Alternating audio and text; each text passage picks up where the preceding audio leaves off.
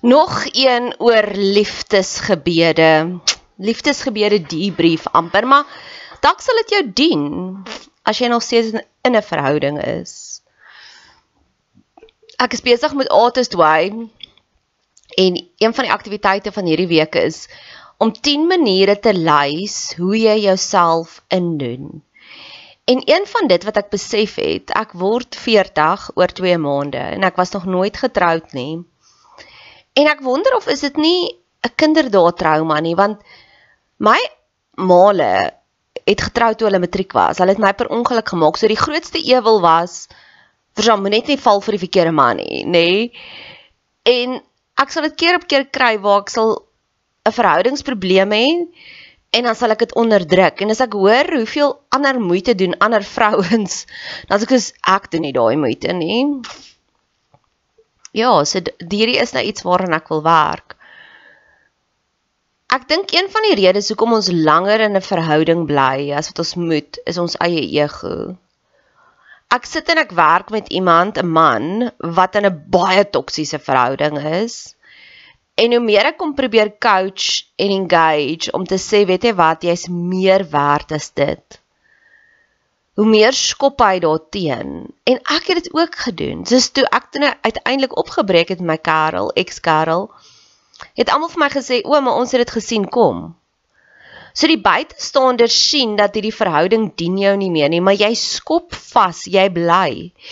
Want jy het hoop in hierdie persoon en jy het hoop in jouself. Jy het hoop dat of jy gaan die persoon verander of dat die oorspronklike rede hoekom jy verlief geraak het op daai persoon gaan weer lewendig word. So ek het dit gesien in myself. Ek het vir baie langer vasgehou as wat nodig was.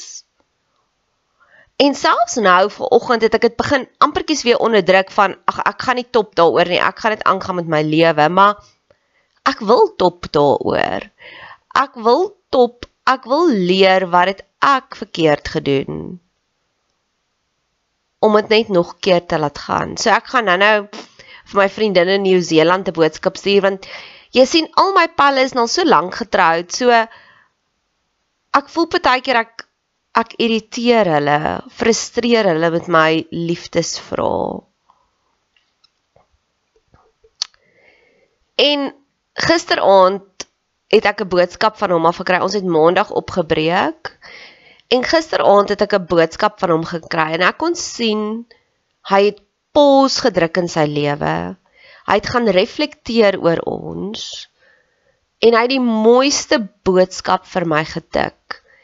En dit is amper wat ek voel wat die trend is van ons verhouding is hy sal so ingesluk raak deur die spannings, die dag tot dag dinge wat gebeur, laat hy skeep my af.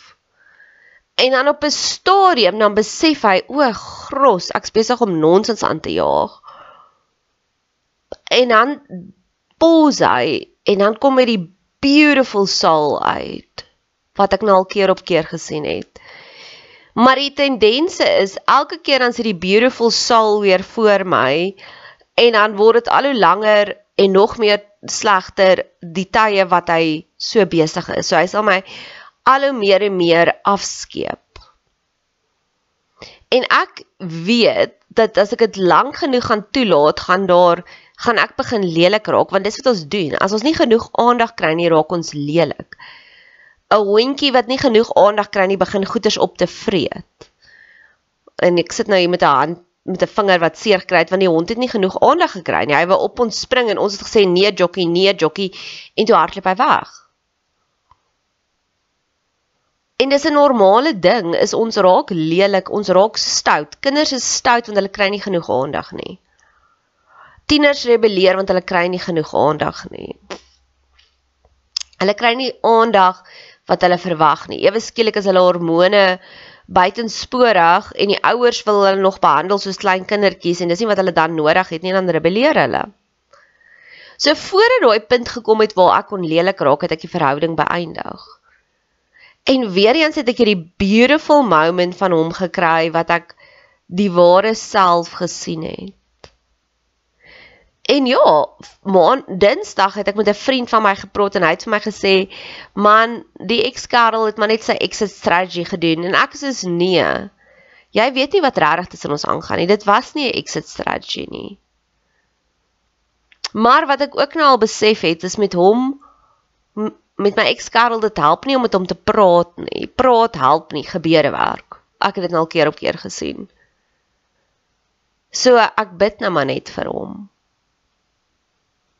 En ons bly dan langer want ons liefde is blind. Liefde sien net die mooi en dis wat ek aan hom sien. Ek sien letterlik net die mooi. Ek het baie empatie vir hom. En nog iets, nog 'n liefdesgebed. Een van my vriende het ook nou weer kyk, ek laat almal maar toe om my darmes uit te trek op 'n stadium.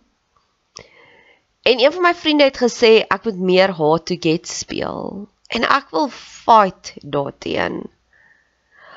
Om hard to get te speel laat my dink aan bloedoor ag bloed bloodletting. Op 'n stadium in die antieke tye het hulle geglo as hulle net die bloed laat vloei, uitvloei, dan gaan daai persoon gesond word. En so is duisende mense dood want hulle te veel bloed laat uitgaan of lobotomies het hulle gedoen het. En ek dink om hard to get te speel is 'n toksiese manier wat Hollywood vir ons voorgestel het van, "O, oh, los hom net 'n rukkie, dan gaan hy terugkom met 'n groot gebaar."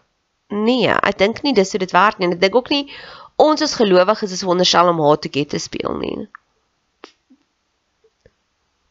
Ek wil nie hard to get speel nie want as jy iewers die deur oopmaak om hard to get te speel, gaan jy hard to get toelaat in jou lewe.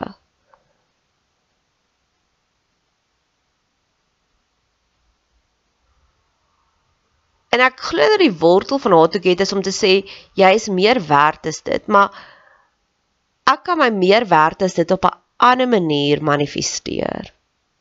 Met ander woorde om hom te ja. Ek is die girl wat ek wil hê jy moet my uitvra en ek wil hê jy moet moeite met my doen. So gisteraand het ek weer epically gefaal want net nadat ek daai boodskap gestuur het, het wat hy gestuur het, hy het baie mooi goed gestuur, maar een ding wat hy vir my gesê het, I never meant to hurt you. En ek het dadelik geantwoord en sê ek, jy het my nooit seer gemaak nie want hy het nie. Ja, ek is hartseer dat die verhouding is beëindig. Verseker, maar hy het my nie seer gemaak nie. Ek weet dit voel as 'n man my seer maak.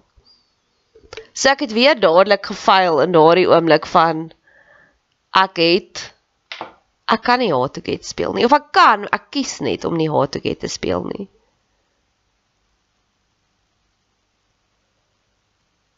So ja, liefdesgebeure. Ek het vir jou nog 'n staaltjie. Ek hou van getuienisse. So ek luister nou na baie podcasts en dan ek probeer deur die iTunes se top 100 spiritual podcasts te werk en vir my so mentors te vind. En die oomblik as hulle te prekerig raak, as ek hoor jy praat nie met autoriteit nie, dan stop ek dit. En ook onderhoude. Ek hou nie van onderhoude nie. Onderhoude is vir my jy luister 'n uur daarna en jy kry dalk een golden nugget. So ek wil hê my podcast met gevul wees met golden nuggets en dit is persoonlike getuienis stories. So 'n jaar terug toe ek 'n 5 jaar verhouding beëindig het, het ek alles vir die Here gesê wat ek weer wil hê. Die persoon het 'n wildsplaas gehad hier naby ons huis. En ek het gesê, Here, ek wil graag, ek wil nie dit verloor nie. En die volgende persoon met wie ek in 'n verhouding was, het wag vir dit. 'n huis gehad in die wildtuin.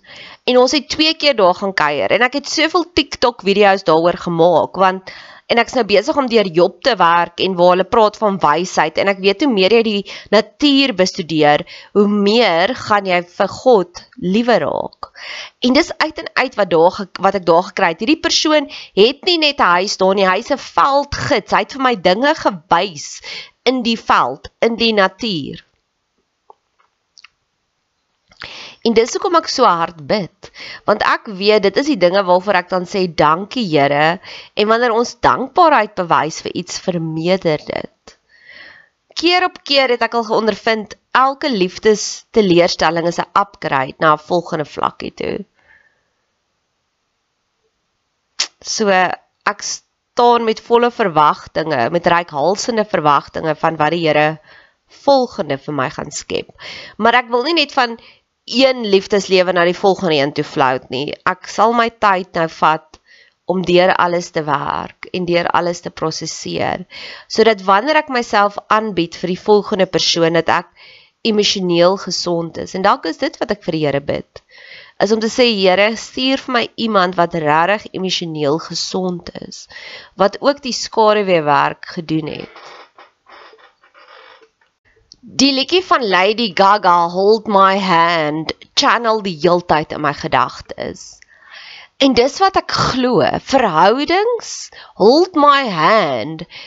Ons het hierdie pragtige gift om healing te bring vir mekaar deur gemeenskap, deur om deelname te hê. My ex-kerel was baie slimmer as ek. Hy weet van geld maak, hy weet van bestuur, En ek wou so graag wou hom geleer het en ek dink ek sal nog steeds ons sal 'n goeie verhouding of goeie vriendskap hieruit opbou.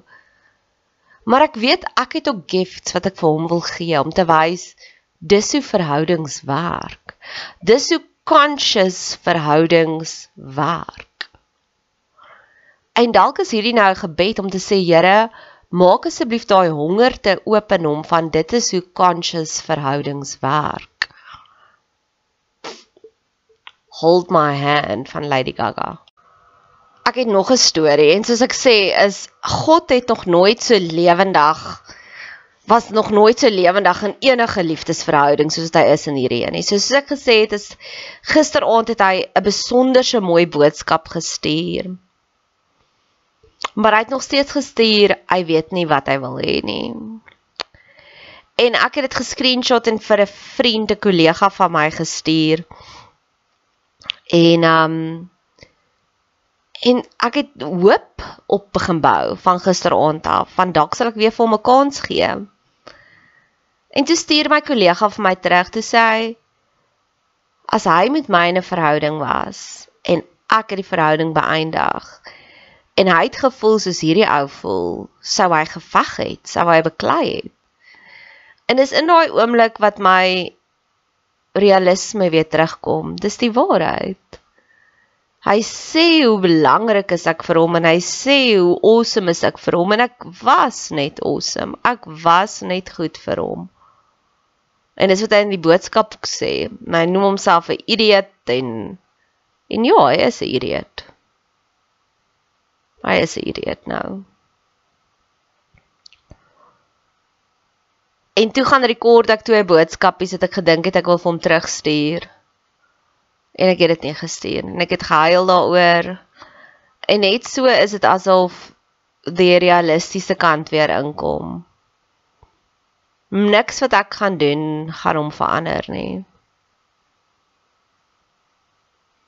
En te same met dit is dit soos my een vriendin se skoonpa is nou ver oggend oorlede en hy het demensie gehad en hy het 'n baie lae kwaliteit van lewe gehad. En ek besef en ek stuur vir I am al het ons dit verwag is dit nog steeds hartseer. En dis wat ek besef dis waar ek tans is. Ek het verwag dat hierdie verhouding gaan eindig want keer op keer elke versoek wat ek gegee het was teëgestaan en dit het amper asof ek gestraf is daardeur So die storie in my kop is jy's awesome, jy's perfek, maar jy verdien nie wat jy voorvra nie. En dit was klein dinge wat ek gevra het. Ek het gevra gee vir my Eerste van alles, gee vir my wat jy in die begin was, want jy voel nou vir my soos 'n bedrieër. Jy het my laat verlief raak op hierdie awesome mens wat meer needy was as ek, wat meer vir my tyd gemaak het as wat ek bereid was om vir jou tyd te maak. En ek het gewoond geraak daaraan en nou in die einde moes ek spoog en spartel net vir 3 sekondes saam met jou.